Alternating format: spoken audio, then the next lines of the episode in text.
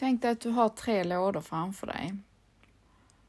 På den lådan längst till vänster står det beroende. Lådan i mitten oberoende. Lådan till höger ömsesidigt eh, beroende. På den lådan som är, det står beroende på, här lägger du din uppmärksamhet utanför dig själv. Det är omgivningen som bestämmer hur du mår. Du mår bra om någon har varit, eh, som du tycker har varit snäll mot dig, till exempel köpt en bukett blommor. Då blir du glad för att du, någon har gjort detta för dig. Om samma person har sagt någonting till dig som gör att du känner dig ledsen och arg och frustrerad så är det eh, för att den personen har sagt så här som du mår så. Alltså ditt tillstånd styrs och bestäms av hur omgivningen eller hur du upplever att omgivningen behandlar dig. Så det är alltså din tolkning av omgivningens handlingar som bestämmer hur du har det inne i dig, om du mår bra eller om du mår dåligt. Om du är här i den här lådan så, så är det att um, man lätt gör sig till ett offer och det är jag är inte ansvarig för min situation. Det är andra som är ansvariga och eh, för hur jag har det.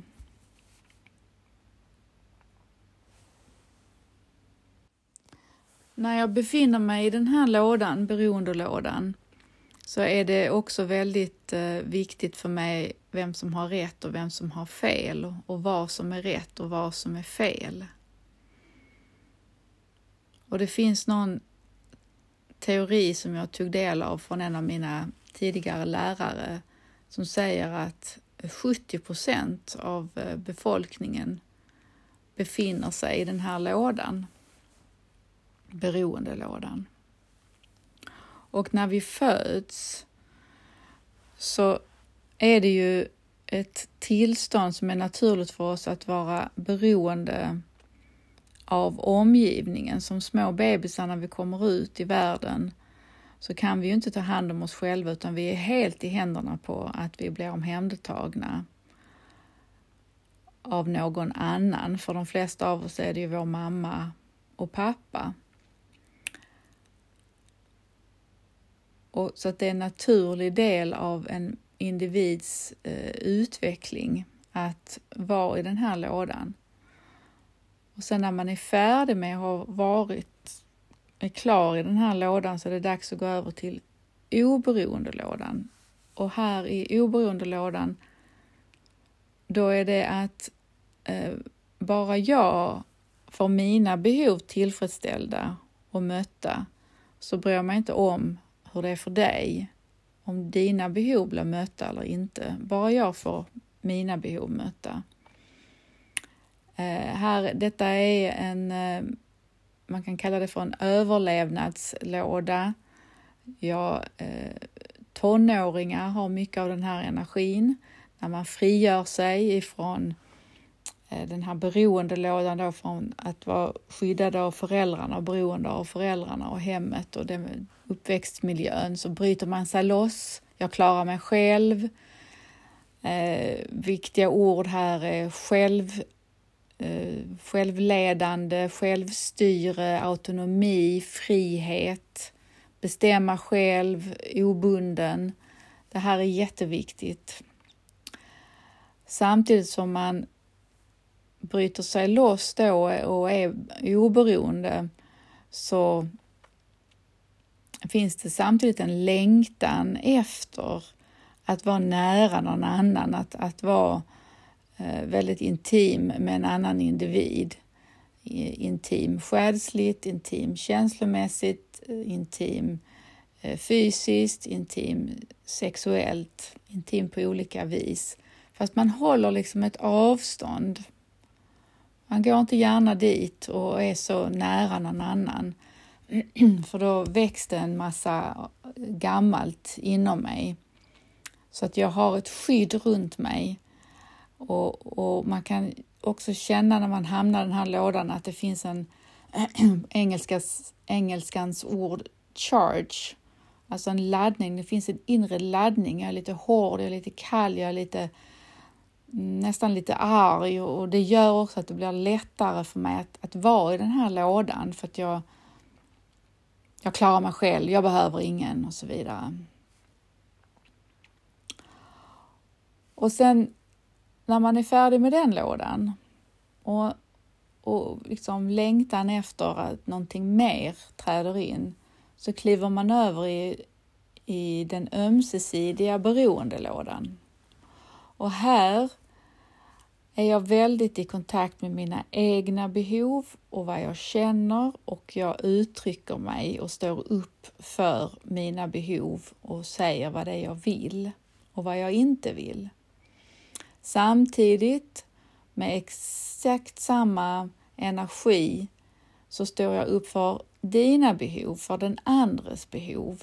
Det är lika viktigt för mig att, att dina behov blir mötta och, och tillgodosedda och att du uttrycker vad du vill och vad du känner och att vi hittar ett sätt där bådas behov eller allas behov blir mötta. Och jag låter inte den andra kasta in handduken eller börja kompromissa eller så och hoppa ner i beroendelådan och kanske säga ja, ja, men vi gör som du vill då eller för den andra är inte nöjd då. Det, det blir ingen ömsesidighet i det. Så därför när jag själv är i kontakt med min ömsesidighet, mitt ömsesidiga beroende, så står jag kvar i det och håller den andra i, i det även om den försöker att smita därifrån på olika sätt. Och i den här eh, ömsesidiga beroendelådan, när vi är några stycken, två stycken eller jag själv eller en hel organisation eller en hel familj eller som, som alla är i kontakt med sig själva, lyhörda för sina känslor och behov och följer dem, uttrycker dem. Då blir det en, en skön harmoni som är helt naturlig. Alla är i kontakt med sitt innersta själv, sin innersta kärna och agerar utifrån den platsen. När vi befinner oss här så automatiskt har vi tillgång till vår naturliga medkänsla, empati, glädje, kraft, inspiration, kreativitet, eh, vårt inre lugn, vår, vår inre röst har vi tillgång till och så vidare. Vi lever i ett flow och det är väldigt, man, man liksom känner att man är här, här finns ingen charge, här finns ingen laddning.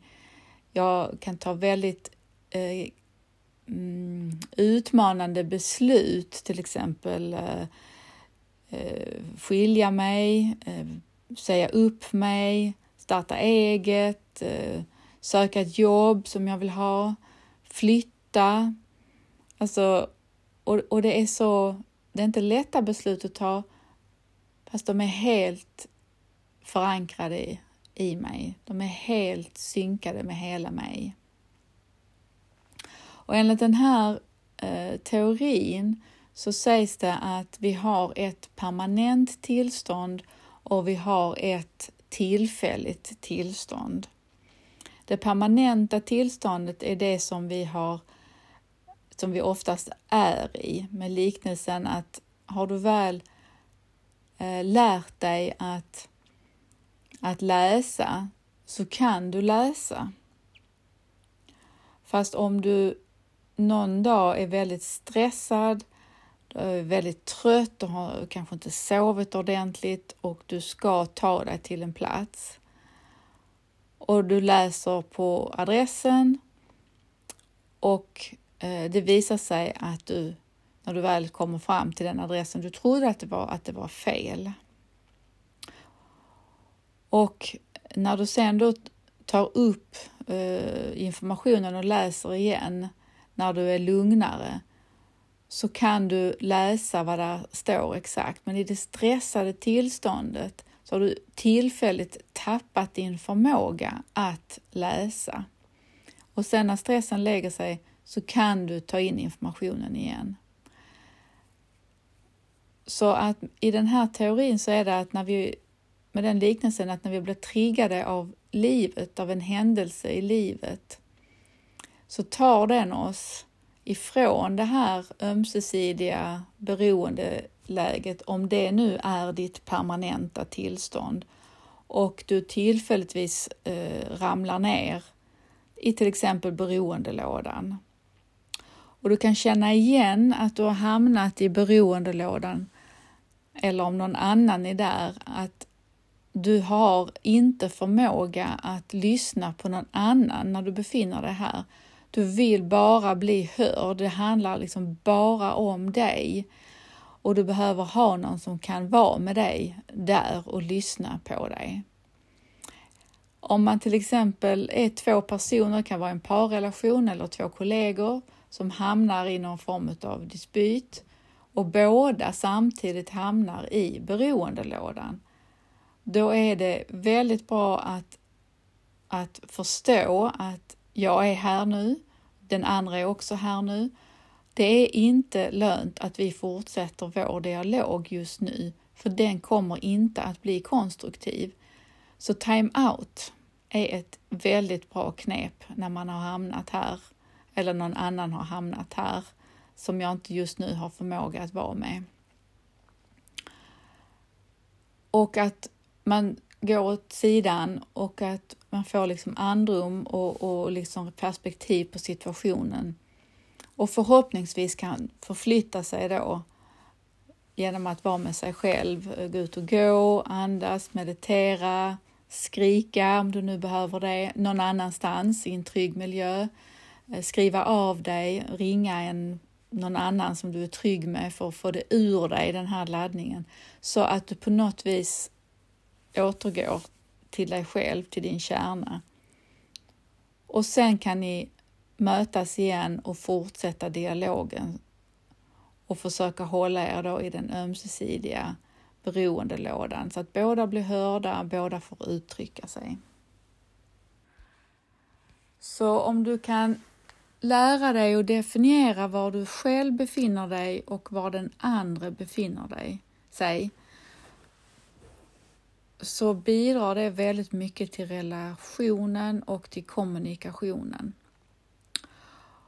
Och om du själv befinner dig i den ömsesidiga beroendelådan och um, den andra befinner sig i, i beroendelådan så är det enkla verktyget är att lyssna på den andra tills att den har pratat av sig och praktisera gärna det som inom Non-Violent Communication, NVC, kallas för empatiskt lyssnande. Att du reflekterar vad den andra säger med vad du gissar att den känner och vad den behöver. Så att du därmed hjälper den andra att komma i kontakt med sig själv, med vad den känner och vad den behöver. Med hjälp att, att göra så här så, så successivt så kommer den andra mer och mer och mer i kontakt med sig själv. Om den andra är i, bero, i oberoendelådan så är det samma sak att den personen behöver uttrycka sig väldigt mycket och den är också mottaglig för frågor. Man kan ställa frågor till den personen och på så vis hålla liv i, i dialogen. Och om båda är i ömsesidiga beroendelådan så kommer dialogen automatiskt att vara konstruktiv. Den kan vara väldigt utmanande, väldigt sårbar, väldigt ärlig, väldigt härlig eh, och man kommer mer och mer och mer och mer i kontakt med sig själv och varandra. För att kunna vara i den ömsesidiga beroendelådan så behöver man också kunna vara i de båda andra lådorna. Man behöver kunna vara beroende av någon annan och man behöver kunna vara oberoende och helt ta hand om sig själv. Vi är naturligt beroende av varandra här på den här planeten. Om man bara tänker på eh, maten vi äter, att det är få av oss som odlar vår egen mat. Vi är beroende av att någon annan eh, odlar maten vi äter, att det finns affärer som vi kan köpa maten i. Eh, de flesta av oss syr inte våra egna kläder, så det behöver finnas de som, som syr kläder så att jag kan gå och köpa det som jag eh, vill ha. Så vi är redan väldigt beroende av varandra. Och det finns en ömsesidighet i det att, att vi tillhandahåller det som vi är bra på. Så därav min gamla eh, tes som jag fick av Alan Seal. Eh, jag tror det var 2010 ungefär. Jag gick en av hans coachingutbildningar och han sa What is yours to do and what is yours not to do? Att om var och en av oss här på jorden gör det som verkligen är mitt att göra, där jag har min passion och lust i detta och, och därmed delar med mig automatiskt, naturligt, av min gåva till andra. Och att jag avstår från att göra det som är inte mitt att göra, alltså sånt som jag inte är speciellt bra på. I mitt fall, ett exempel är bokföring. Jag eh, har Kristel som tar hand om min bokföring och jag är så tacksam för att hon sköter det till mig.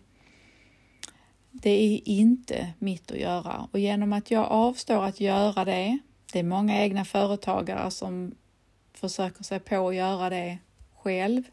Har man fallenhet för det, jättebra. Har man inte fallenhet för det så är min tes då att ta hjälp av någon annan och därmed så kan Kristel eh, Eh, driva sitt bolag och göra det som är hon är bra på och bidrar med i världen. Tänk om alla kunde leva så här utifrån vad jag brinner för och är bäst på och kan bidra med i världen. Och när vi gör det, och vi, då är vi också i den här ömsesidiga beroendelådan. Jag bidrar med det som, som jag kan och andra bidrar med det som de kan. Så vi automatiskt får in det här ömsesidiga beroendet. Så ett viktigt verktyg för att kunna kommunicera på ett sätt som, som ökar det ömsesidiga beroendet och som bidrar till kontakt, det är att verkligen gå in för och lära sig och integrera och eh, praktisera Non-Violent Communication, NVC, som också skulle kunna kallas för kontaktskapande kommunikation eller empatisk kommunikation. Det finns en väldigt bra bok att börja med som heter Ett språk för livet som är skriven av eh, grundaren av Non-Violent Communication, Marshall B. Rosenberg. Den rekommenderar jag starkt. Jag kommer inte gå in på eh, NVC som sådant i den här boken för att det finns så många där ute som redan har skrivit de böckerna och som redan eh, utbildar i det här som jag varmt rekommenderar. Vill du ha rekommendationer på utbildningar och fler böcker om NVC så är du innerligt välkommen att höra av dig till mig.